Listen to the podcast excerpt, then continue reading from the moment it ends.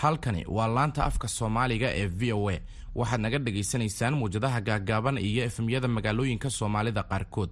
Dhegaystayaal waxaad haatan ku soo dhowaataan barnaamijyo ku saabsan daryeelka carruurta iyo madadaalada dhallaanka. Ugu horrayn ku soo dhowaada barnaamijka kulanka waalidiinta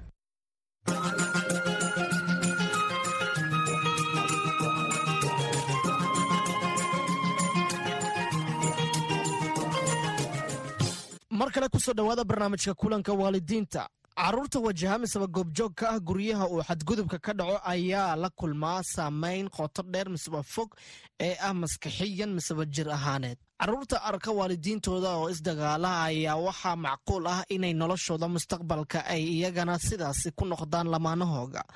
Haddii aad tahay waalid wajahayo dil iyo xadgudub way adag tahay sida aad caruurtaada uga badbaadin lahayd. Barnaamijkeenna maanta waxaan ku faaqidi doonnaa hababka ugu wanaagsan oo lagu soo afjari karo xadgudubka xaafadaha ka dhaca dhexmarana lamaanaha.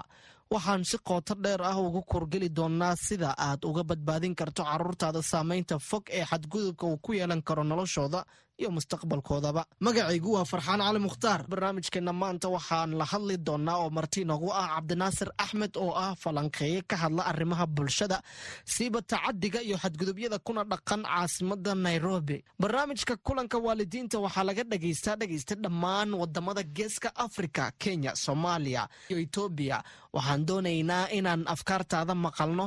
Fadlan nala soo xiriir facebook kulanka waalidiinta mise whatsapp waxaad nagala soo xiriiri kartaan oo aad fariimaha watsapka noogu soo diri kartaan nambarka ah plus labo shan afar toddoba saddex labo eber saddex labo toddoba saddex sagaal. Waxaad sidoo kale nagala soo xiriiri kartaan facebook.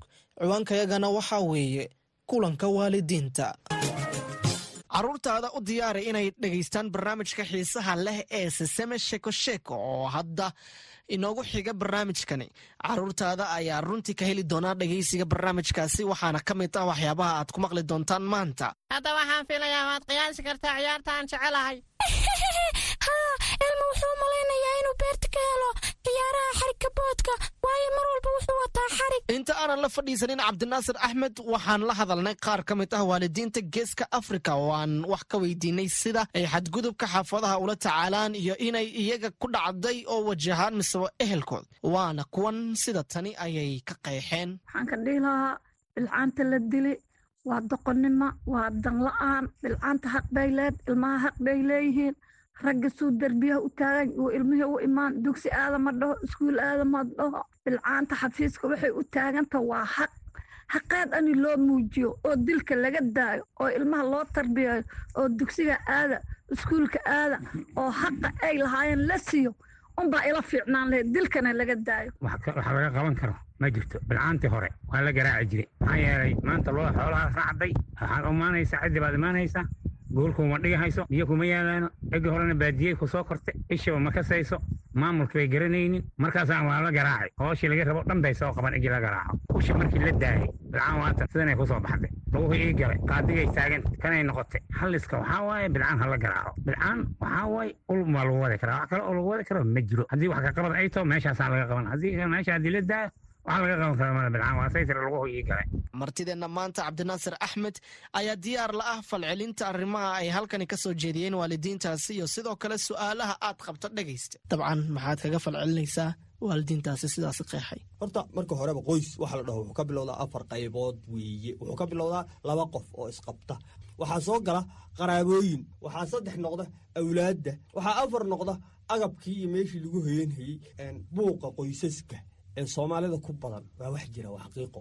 Waana arrin aan loo baahnayn. Waxaynu u baahannahay qoysas isku dhisan isku tiirsan isku kalsoon isu macaan isku faraxsan ayaynu u baahannahay waa tahay dabcan saamaynta ugu dhow ee markaasi rabshadaha dhexmara waalidiinta ay ku leedahay carruurta? Mar aan werisyo dhowri ku cabirahayoon arrintaa ka hadlahayey ayaan idhi qoyskii wareer badan galee waalidku islaayo. Weladkiyo carruurtiisu way wada walfaayaan korintoodiibaa weeqanto weecashay geli. Isweecaansadaay ubadku waa weheshiyeenniyabaan mar haddii qoysku uu yahay mid buuq ku dhisan dagaal ku dhisan muran ku dhisan isku xiiqay isdila ishaysta hadduu mar qoysku yahay dee ilmihiisa waxaad garanaysaa kuwo korintoodii hallowday dhaqankoodii halloobay aaminkoodii hallaabay waxbarashadoodii hallowday isku kalsoonaantoodii hallowday xitaa walaaltinimadoodu hallowday ilmo aan isu naxariisanayn qoys aan naxariis leh meelaan naxariis ooli ilmo ku koray buu noqonayaa ilmuhu waana saamaynta ugu dhow ee ay samayn karto. Dabcan saamaynta fog ee ayaha dambana carruurta si ay u yeelan karta way caddahay taas ayaha dambaa ka sii khatar badan middan dhow saamayn halis aho weliba fog oo qoto dheer oo qoysas dheer oo soo socda ay sii kala dhaxli doonaan ayay ku yeelan kartaa qofka. Soomaalida waxay ku mahmaadaa wixii aabbaha dilay ka cabso haddaad arki jirtay aabbahay hooyada isdilay babta isku hay afar labaatan sac haraati ku dhaafayo hooyada oo aad ahayd ilmo noocaasa ku soo dhex koray oo aan wax akhlaaqa loo sheegin. Waxba aan la barin haddaad tahay. Dee adiguna hadhow islaantaada lugtaad soo qabsanaysaa ilmahaagay arkaayaad qaadanaysaa waad dilaysaa way ooyeysaa waxaas waxay kuu noqonaysaa. Aabahayba hooyadii sidan igaga dhalaad leedahay saas ugu soo koriyey baad hadhow ku doodaysaa waana dhibaatooyinka ugu badan ee saamaynta dambe yeelan kara dabcan carruurtu miyay ka soo kaban karaan marxaladahaas miseba xaaladahaas ay ku soo dhex barbaareen qof ilaahay waa hagaajin karaa laakiin inta badan lama dhihi karo. Nin dar xuni inuu samatarow dib uga soo reeyuu dhahay qof walba wuxuu uu ku soo koray. Si uga soo noqda way adag tahay aad iyo aad. Maxaa nala gudboon sideen uga caawini karnaa carruurta inay ka soo kabtaan rabshadahaas iyo dirka ay ku soo barbaareen waxaa jira cudurro fara badan oo la dhaho waxay leeyihiin ka hortag laakiin ma leh daweyn. Ilmuhu sidiisaba markaad rabto wanaagiisa iyo barbaarintiisa ka hortag oo korintiisa horeento ku kori akhlaaq iyo asluub iyo dhaqan iyo aadaab. Laakiin markuu hallaabaan ka daba tegi waxay soo kordhinaysa male. Waxaan waalidiinta kula talin lahaa saddex qodob inay sameeyaan. Horta kow ilmaha markay dhalaan ha baraan isaga lafihiisa hays baraan ama jir ahaan haysu baraan ama isri ahaan haysu baraan. Waxaa loo baahan yahay qofka inaad isaga isbarto saddexdiisa boqol iyo lixdanka xubnooda ilaahay siiyey bal isku day xubin walba afar magac iyo shan magac bay ka kooban tahay inaad magacyadeedaas af soomaali ku barto. Markaad qofka isaga isbarto haddana isri ahaan isu bar. Deegaankiisa waxa laga helo dhaqaalihiisa waxa uu leeyahay hantidii wuxuu ku soo barbaaray awgii wuxuu ahaan jiray awgiisi kale wuxuu ahaa iyaydii waxay samayn jirtay hooyadii aqalkii lagu aroosay wixii uu ka koobnaa. Horta bal ilmaha waxaa bar. Intaa markaad barto u soo gudub ilaahayga abuurtay bar iyo ujeedooyinka uu qofkan la abuuray ee la sameeyey. Ujeeddadii ilaahay kala ahaana bar. Markaad labadaa barto u dir tacliinta maadiga. Afar saddexdaa xaalo markuu ilmuhu sababsado ee uu isla helo ayuu aqoonyahan rasmi ah noqon karaa. Adna wax ku tara. Waalidiinta waxaan kula talin lahaa noqda kuwo anshaxa soomaalinimo afka soomaaliyeed dhaqanka soomaaliyeed diinta ilaahay iyo addoonnimadeenna. Intaa ilmaha ku barbaariya. Bedelkaad keligaa carruur korin lahayd iskaga dulqaado rabshadahani. Miyay haboon tahay sidaas. Waxaa jira waxyaalo xal leh iyo waxyaalo aan xal lahayn. Horta waxaa muhiim ah labada qof ee isguursanaysa marka horeba kuwa isku kalsoon inay yihiin. Waagii hore soomaalida markay isguursanayso dhaqankii hore soomaaliga waxaa samayn jirtay gabadhu ninka maskaxdiisa tijaabooyin bay ka qaadi jirtay shuruudo badan bay ku xidhi jirtay. Intuu dulqaad leeyahay ogaan jirtay. Sharaftiisa iyo cisigiisa iyo inta uu gabadha u adkaysan karay yay ogaan jirtay iyadoon guursanin laakiin maanta waa lays arkaya ama internet baa layska helaya haye aqal baaba laysgeystay madadiisa ogba ma aha laba ilmood markuu ka dhala ma hayn karuu leeyahay islaantan ama waxay leedahay ninkan imama qanciyaba dhibaatooyinka jiro bay ka mid tahay. Waxaa weeye somalida waxay ku mahmaadaa qur'aan alif ka hallaabay albaqre kama hagaago waxaa weeye marka hore horta bal ha laga dadaalo guurka. Waa kow. Waa qodobka labaade dhibaatooyinka dhacahay iyo waxyaalaha dhacahay iyo xadgudubka uu ama ninku samaynhaya ama ay gabadhu samaynayso. Waa laysu dulqaadan karaa waana layska waanin karaa. Marka hore waa in laga dadaalo oo loo dulqaato. Waxaad arkaysaa hadda tusaalayaal gabadh toddoba ilmoodo midba aaba yahay wadata ma toddoba nin baa gabadh hal dabeecaddeeda ku hayn waayeen? Waa toddoba nin waxyaalaha dulliga ah ee daciifnimada ragga gashay ayay ka mid tahay dulqaad la'aanta ragga. Waa tahay dabcan waxaa jira gabdho miseba hooyooyin markaasi ku sugan marxaladahaasi u adkaysiga u dulqaadashada. Sideey u badbaadin karaan naftooda iyo kuwa ubadkooda haddiiba ay markaasi diyaar u ahayn inay iskaga tagaan lamaanaha dilka iyo xadgudubka badan ee ku haya. Waxay samayn karaan dabeecad wanaagsan oo macaan ayay u muujin karaan. Hadi qofku hadduu sawaalayn isagaba damiir buu leeyahay. Xoogaa waxaad moodaa in damiirkaygu waxyaala fara badan oo aan arkay ama aan ogahay in damiirkaygu diiday waxay iga tahay canaan iyo baraarujin. Waxaan canaananhayaa dabeecadaha noocaasa shaksiyaad kale ilaahay baan u baryaynaa ilaahay ha u hadiyey yaan leenahay gabdhaha noocaasana ha u dulqaataan damiir wanaagsanna ha kula dhaqmaan iyo dabeecad wanaagsan. Markay dabeecad wanaagsan u muujiyaan isaga waa biniaadan waxaa laga yaaba inuu iska fiicnaado. Hagaag haatanna dhankaasi iyo faallada miseba su'aalaha dhegeystayaasha kow dhegeystaani wuxuu leeyahay maxaa inta badan marka hore sababaa in sida ay soomaalida ku badan tahay aabaha inuu ku dhaqaaqo in uu xumayn iyo dhib uu kula kaco hooyada horta soomaalidii hore markaan dhaqankeeda eegno ninka wax dila laba qodob bay ka ahaan jirtay. Mid dabeecadiisu inuu wax dilo un iska baratay oo maaragtay xoogaa yaro dabeecad qalafsan oo doqonnimo hayso waxaa kaloo la arki jiray mid islaamtu ay wax dayacday oo dayacaa darti wax u dilahaya laakiin waayahan dambe waxyaala kaloo badan baa soo kordhay. Mid waxaad arkaysaa lagu leeyahay hebel wuu masayrsan yahay islaantii u dilahaya waa nooc imaan la'aana waa nooc badownimo ah waa nooc hunguri xumo ah waa nooc dhaqan xumo ah waxaad kaloo arkaysaa mid la leeyahay buu islaantii u dilay.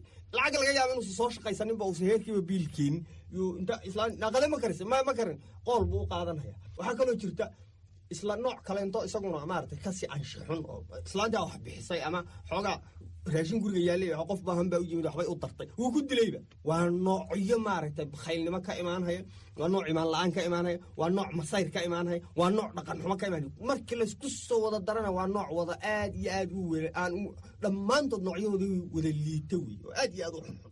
Adigana waxaan ku fari lahaa aabbaha dee hadda nin weyn baa too midhaa nin su'aal keeni hayaa tahay aabbaha ku dheh aabbo maxaad hooye u dilaysaa maxaad se u dili jirtay? Haddaad dili jirtay hadda raalligeli hadda raalligelin kaa mudanta weli way kula joogtaa haddaad dilaysa haddana aabuu dilka ka daa. Horta bal intaana aabbaha u sheeg. Hadalkaaga waa laga yaabaa inuu isla yaabo yaxyaxe saa ugu sheeg. Hooyadana waxaan dhihi lahaa dulqaadkaa wanaagsan carruurtaada ku korsatay ee aad weligaaga ku soo jirtay ilaasho ilaahay baa ajar wanaagsan kaa siina ninkaagana waanso oo waxaad dhahdaa warbal weligaa intaasaad saa iisoo dilaysa intaasoo carruura intaan kuu dhalaaya ninuu dilka iga daa xishood oo nin weyn caadi iska dhigo oday intaa ku dhe waa tahay su'aasha ugu dambaysa ee dhanka dhegeystayaasha soomaalida inta badan waxaa la sameeyaa in ay hooyada marka ay soo carooto in lagu yidhaahdo orod ee gurigaaga ku noqo reerkaaga hadumin taasi maxaa ka oran lahay. Horta taasu waan bogaadinaya waa arrin aan ammaanahayo in gabadhii markay soo cadhooto. Dee dadkan waa dad nool nool nafii shaydaan baa weheliya. Iyadoo ninkeeda iyadoo nin wanaagsan qabo yaa laga yaabaa inay gabadhu wax yar ka cadhooto. Waxaa ila gudboon waxa ay cadhootay inaan ogaado oon xalliyo oon gurigeedii ku celiyo. Laakiin haddii wax yar ay gabadhu ka soo cadhootay aniga lafteeda aabbaheeda aan buunbuuniyo oo aan kor u qaado aniga lafteeda waxaan ka qayb qaadanaya burburkii qoyska. Waxaa loo baahan yahay gabadha inay gurigeedii maamulato adna aad soo xaliso haddii dhib weyn gabadha lagu hayo qofka dhibka weyn ku hayta waad garanaysaa inaad dhahdo dhibkan weyn gabadha ku hays kadaa kuugu dulqaadan maayo. Haddaan kuugu soo celiyey dhibkaas. Waxaa loo bahanya wixii gabadha ayna u dulqaadan karin in xal loo helo ee aan lagu celinin gabadha raran ay ka soo carartay. Raranka inaad dib ugu celiso looma baha hagaag waanaga intaasi inaga maanta balse halkani ku ekaaw dhegaysta si aad u dhugato sesame sheko sheeko oo hadda soo galaysa. Waad ku mahadsantihiin la jaanqaadkiina balse intaasi ka hor waatan eedo ebyan iyo xubinteeda murtida leh. Waxay soomaalidu tidhaahdaa isqadarin qoys kuma dagaalo. Labada qof ee wada nool waxaa looga baahan yahay inay mar walba isqadariyaan oo isxushmeeyaan. Tani waxa ay ku tusinaysaa kalgaalka iyo maxabbada carruurta yaryar markay iyaguna arkaan aabbaha iyo hooyada oo ku wada nool farxad iyo wanaag iyaguna waxa ay dhexlayaan dabeecadahaasi kuwa la mid ah oo ay aayaha dambena u dhaqmayaan. Laakiin haddii ay gacanqaad iyo buuq mar walba arkaan maskaxdooda ayay dhaawacaysaa oo aayaha dambena waxa ay qaadanayaan dabeecaddaas mid la mid ah. Toddobaadka soo socda iyo mawduuc kale oo xiise leh iyo kulanka waalidiinta ha seegin dhegayste. Fadlan nala soo xiriir iyo su'aalahaagaba miseba afkaartaada boggeena facebook noogu soo gudbi kulanka waalidiinta miseba whatsapp. Sidoo kale kala soco si toos ah barteena facebook oo ah kulanka waalidiinta. Ilaa iyo kulanti dambe waxaan idin leenahay nabadgelyo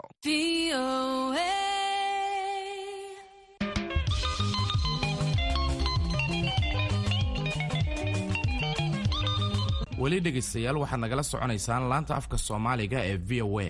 Haatanna waxaad ku soo dhowaataan barnaamijka madadaalada carruurta ee sisimi sheeko sheeko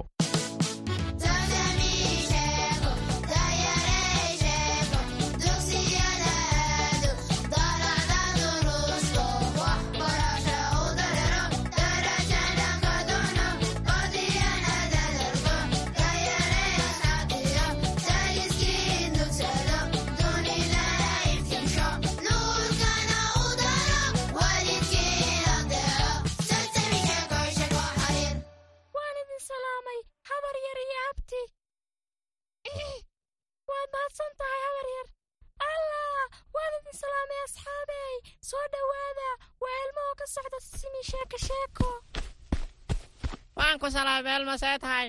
Haye beert elma wuu fiican yahay. Wuxuuna baranayaa sida loo salaamo dadka waaweyn. Ma sida dadka loo salaamayo sida loogu mahadceliyo ayaad baranaysaa.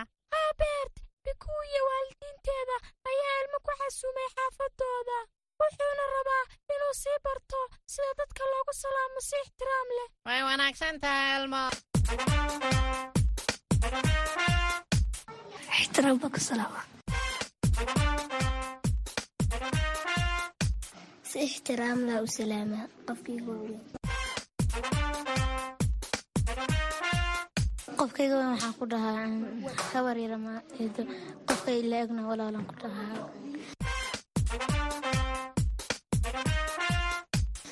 anuu qofkaiyo weyn u xusmeeya si xusmad lahayn la hadlaa qofkaiyo yarna caadi wanu salaama ana waa ixtiraama qofku markuu iga weyn habar yar ama eedo ama ayayaan ku dhaha qofkayga weyn si wacan baan u ixtiraama waana salaama waxaan ku salaama assalaamu calaykum waraxmatullah anigana eernan waxaana casuumay bikuun waalidiinteed aan isbarana eerni eerni kaalay inala baran salaanta aniga iyo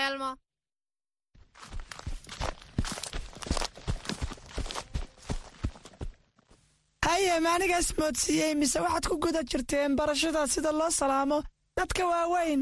Haa elmo iyo beerti ayaa sii baranaya siday bikuu waalidkeeda ugu salaami lahaayeen si ixtiraam leh. Waa fikrad fiican. Haye saaxiibyaa nagu soo biira oo aan wada baranno. Aan bilowno. Waa ku salaamay beert waan ku salaamay erni hadda dhammaan asxaabteennu way barteen oo way garanayaan sida loogu mahadceliyo dadka. Iga daba dhaha. haye beert waan ku salaamay abti. Waan ku salaamay abti. waan ku salaamay hooyo. Waan ku salaamay hooyo. waan ku salaamay eedo waan ku salaamay eedo hana ilaawinina inaad istaagtaan marka uu soo galo qof idinka weyn guriga. Beert waxaan ugu istaagaynaa oo si ka duwan sida asxaabteenna ugu salaamaynaa bikuu waalidkeeda. Elmo waa su'aal qiimo badan. Salaanta asxaabta kugu dhadhoweeyo midda dadka waaweyn way kala duwan tahay. Way wanaagsan tahay in dadka waaweyn aad si qadarin leh u salaanto oo aad xushmayso sidoo kale waa xushmad in dadka waaweyn loo mahad celiyo erni elmo elmo wuxuu doonayaa inuu ogaado siday asxaabta kale u salaamaan dadka waaweyn elmo waa raadinayaa su'aashaada jawaabteeda haye saaxiibayaal waa idin salaamay hadda waxaan ku suganaya dugsiga ma maqashaan waxay u eg tahay inuu macallinku bixinaya xiisad waana hubaa inuu macallinku iga caawin doono su'aasha elmo jawaabteeda waan ku salaamay macallin waxaan ahay erni oo ka socda sisimi sheeko sheeko. Macallin waxaan qabaa su'aal. Waa si wanaagsan. Waan jecelahay su'aalaha waayo waa hab wanaagsan oo wax lagu barto. Waa maxay su'aashaad? Macallin su'aashaydu waxa weeye sidee loo salaamaa dadka waaweyn? Waa su'aalaada wanaagsan erni siyaabo kala duwan ayaa dadka loo salaamaa dadka waaweyn waxaa loo salaamaa si xushmadi ku dheehan tahay. Saaxiibbada iyo dadka kulaaleegna waxaa loo salaamaa si caadiya. Haddaba ardayay ma garanaysaan sida loo salaamo aabbayaasha hooyooyinka iyo odayaal dhaqameedka soomaaliyeed? Noo sheeg macalin. Haddii aad la kulantaan qof weyn oo dumara waxaad ku dhahaysaan eeddo ama hooyo. Ma fahanteen? Haddii uu qofkaasi yahay qof aad u sii weyn waxaad ku dhahaysaan ayeeyo ma la haysataan hadalkayga? Haa macalin. Balse haddii uu qofkaasi yahay nin waxaad ugu yeedhaysaan adeer ama abti. Haddii uu aad u sii weyn yahayna waxaad ugu yeedhaysaan awoowe. Ma garateen hadalkayga oo ma fahanteen? Awoowe. Haye haddaan isbariidinno. Haye. Kaba soo qaada aniga ayaad igu aragteen meel. Imana taqaanaan maxaad iigu yeedhi lahaydeen? Waan ku salaamay abti waan kaa qaaday see tahay. Abti waa fiicanahay mahadsanid. Magacaa. Abti magacaygu waa cabdikariim. Halloo sacbiye cabdikariim. Hadda yaa kaloo doonaya inuu barbarto. Macallin aniga ayaa raba inaan barto sida dadka waaweyn loo salaamo. Waa hagaag erni ka soo qaadinaan ahay aabbaha saaxiibkii. Aabbahaana uusan joogin guriga. Waan soo socdaa. Waan ku salaamay abti maxaa kuu qabtaa waan kaa qaaday wiilkaygiiow waa khaliif aabbaha saaxiibkii. Aabbe xaafadda ma joogaa maya abti wuxuu aaday suuqa balse wuu soo laaban doonaa. Hooyaana joogta guriga. Soo galabti waad mahadsan tahay. Markuu aabba yimaado u sheeg in aan imi. Haye abti shaqo wacan. Ha loo sacbiye erni. Mahadsanid macalin. Idinkuna waa mahadsantihiin ardayay sidaa wax iila barateen waad ku mahadsan tahay erni sidaad noo soo booqatay noolana dhigatay casharka maanta. Haddii aad sidan u salaantaan oo lana dhaqantaan dadka waaweyn waa ay ku farxayaan ducana waad ka helaysaan. Mahadsanid macalin nabadgelyo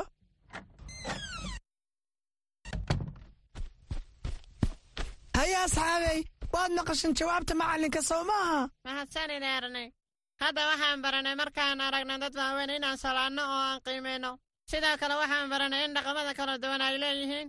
Siyaabo kala duwan oo loo xushmeeyo dadka waaweyn. Haya beert waxaan filayaa diyaar ayaa tahay inaynu booqanno biku gurigeeda oo waalidkeed u salaanno si xushmad leh. Elmo biku waalidiinteeda wuxuu u salaamayaa si xushmadi ku dheehan tahay. Wuuna u mahad celinayaa haddana ku soo dhawaada xarafkii maanta yaabi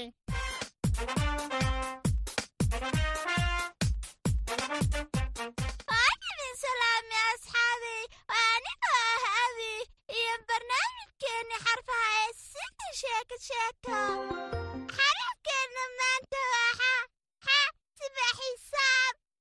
Haddaba intaa waxay nooga eeg barnaamijkeenni xarfaha maanta. Kulanti damboo xiisa leh. Haya asxaabay.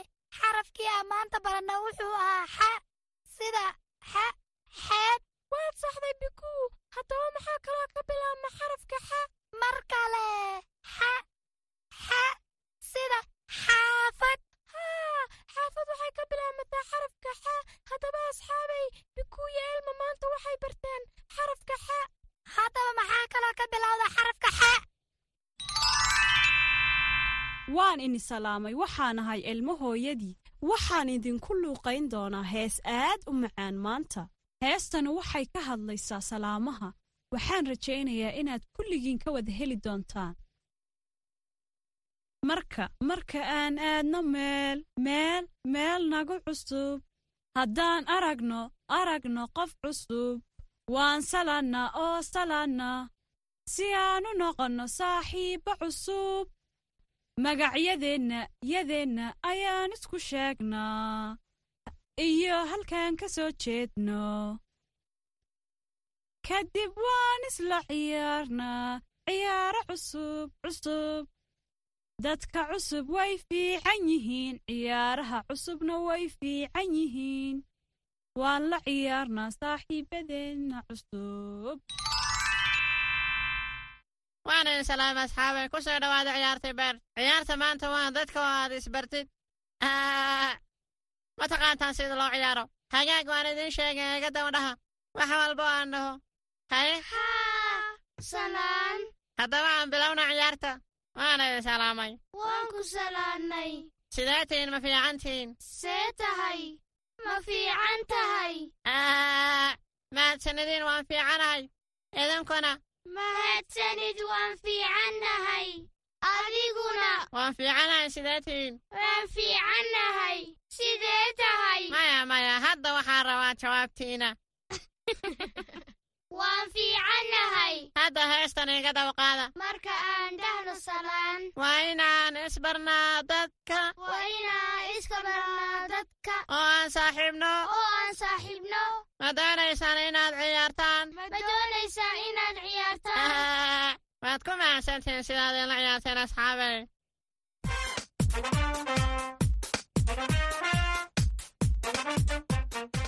waan idin salaamay. Waa mar kale iyo anigoo abi oo idiin tirada maanta. Tirada maantana waa saddex. Haddaba aan isla tirinno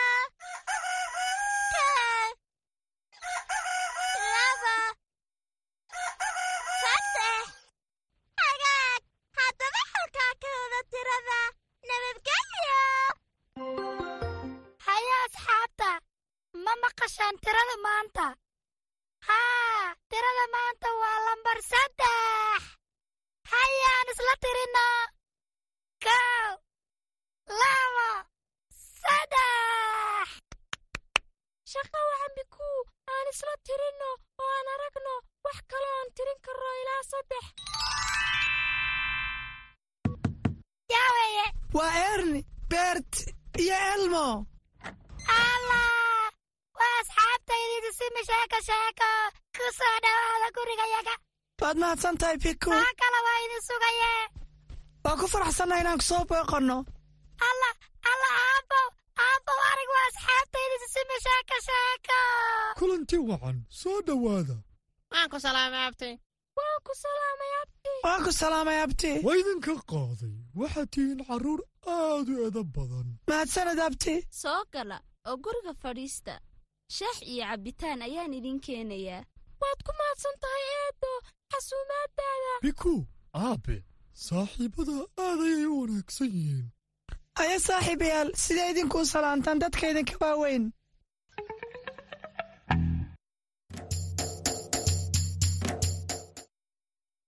Elmo diyaar ma tahay inaad baxdo elmo waa diyaar wuuna ku faraxsan yahay inuu iskuulka aado. Wiilkaygii elmow marka aan iskuulka ku geeyo waxaan la kulmi doonnaa macallimiinta iyo maamulka. Haddaba sidee ayaad u salaami doontaa? Haabe hooyo ayaa elmo bartay sida dadka waaweyn loo salaamo oo uu garanayaa si wanaagsan mar kale isku day. Waxaad ka soo qaaddaa inaan ahay maamulaha iskoolka. Sug aan iska dhigay macallimadaada soo dhowaada. Haye magacaa mudane elmo ayaa lay dhahaa haye elmow maxaad u timi halkan? Macallin elmo iskuulka wuu jecel yahay. Hagaag meeqa sano ayaa jirtaa mudane elmo wuxuu jiraa saddex saniyo bar. Haddaba yaa kaa mas'uula elmow haa macallin elmo waxaa wada waalidiintiisa. Fariid elmo.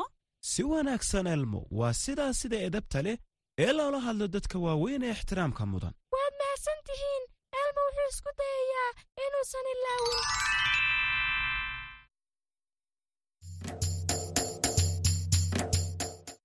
ma soo geli karnaa mudane? Haa soo dhowaada. Waan ku salaannay waan ku salaamay macallin maamule waxaan rabaa inuu wiilkaygu iskoolkan ku soo biiro oo uu wax ka barto. Magacaa wiilkaygii mudane elmo ayaa lay dhahaa. Elmo mise sana ayaa jirtaa mudane elmo wuxuu jiraa saddex saniyo bar. Hagaag ma wadataa wax aqoonsi ah? Haa mudane waxaa hayaa aabbe waa si wanaagsan elmo. Maxaad jeceshahay inaad iskuulkan ka barato wax walba wuu xiiseeyaa inuu barto mudane. Wax walba ah. Elmo sannado badan ayaad iskuulkan sii dhigan doontaa. Iskuulkan waa meel aad u wanaagsan. Haa waa runtaa waxaana rajaynayaa inuu elmo iskoolkan ku yeelan doono asxaabaadu fara badan. Waayo waa wiil cidhaab leh. Mahadsanid macallin mahadsanid maamule. Idinkaa mudan. Waxaan magaca ay ku qorayaa buugga isdiiwaangelinta alla waxay ahayd maalin aad u wanaagsan sisimi sheeko sheeko waxaana baranay waxyaalo kala duwan oo cajiiba haa elmo aad ayuu uga helay inuu la kulmo macallimiinta dugsigiisa cusub haa wuxuu ahaa xarafka xa sida xaflad sida xisaab sida xirfad haddaba asxaabta yaa xasuusta tiradii maanta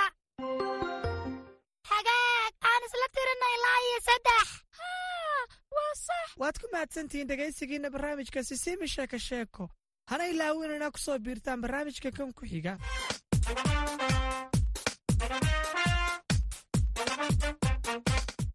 naseexada maanta waalidka sharafta leh fadlan bar carruurtaada salaamaha iyo edboonaanta. Tusi inay mahadnaq iyo xurmayn iyo xushmad tahay. Tani waxay soo jiidasho u noqonaysaa cunugaaga iyo naxariis. Sidoo kale waad u mahad celin kartaa cunugaaga marka uu waxqabto si wanaagsan oo deggan. U dhaqanna si wanaagsan cunugaaga hortiisa si uu adiga uu kaaga dhigto tusaale mar waliba carruurta sharafta leh. Ma salaantaan dadka idinka waaweyn weydiiso waalidka inay kaa caawiyaan inaad watsapka farriin noogu soo dirto. Noona soo sheeg jawaabta su'aasha. Sidoo kale waxaad nagala wadaagi kartaa fikradahaaga iyo soo jeedintaada isla nambarkaasi. Ha ilaawina inaad ka dhegaysataan sesami sheeko sheeko kenya star f m etoobiya radio fana soomaaliya star f m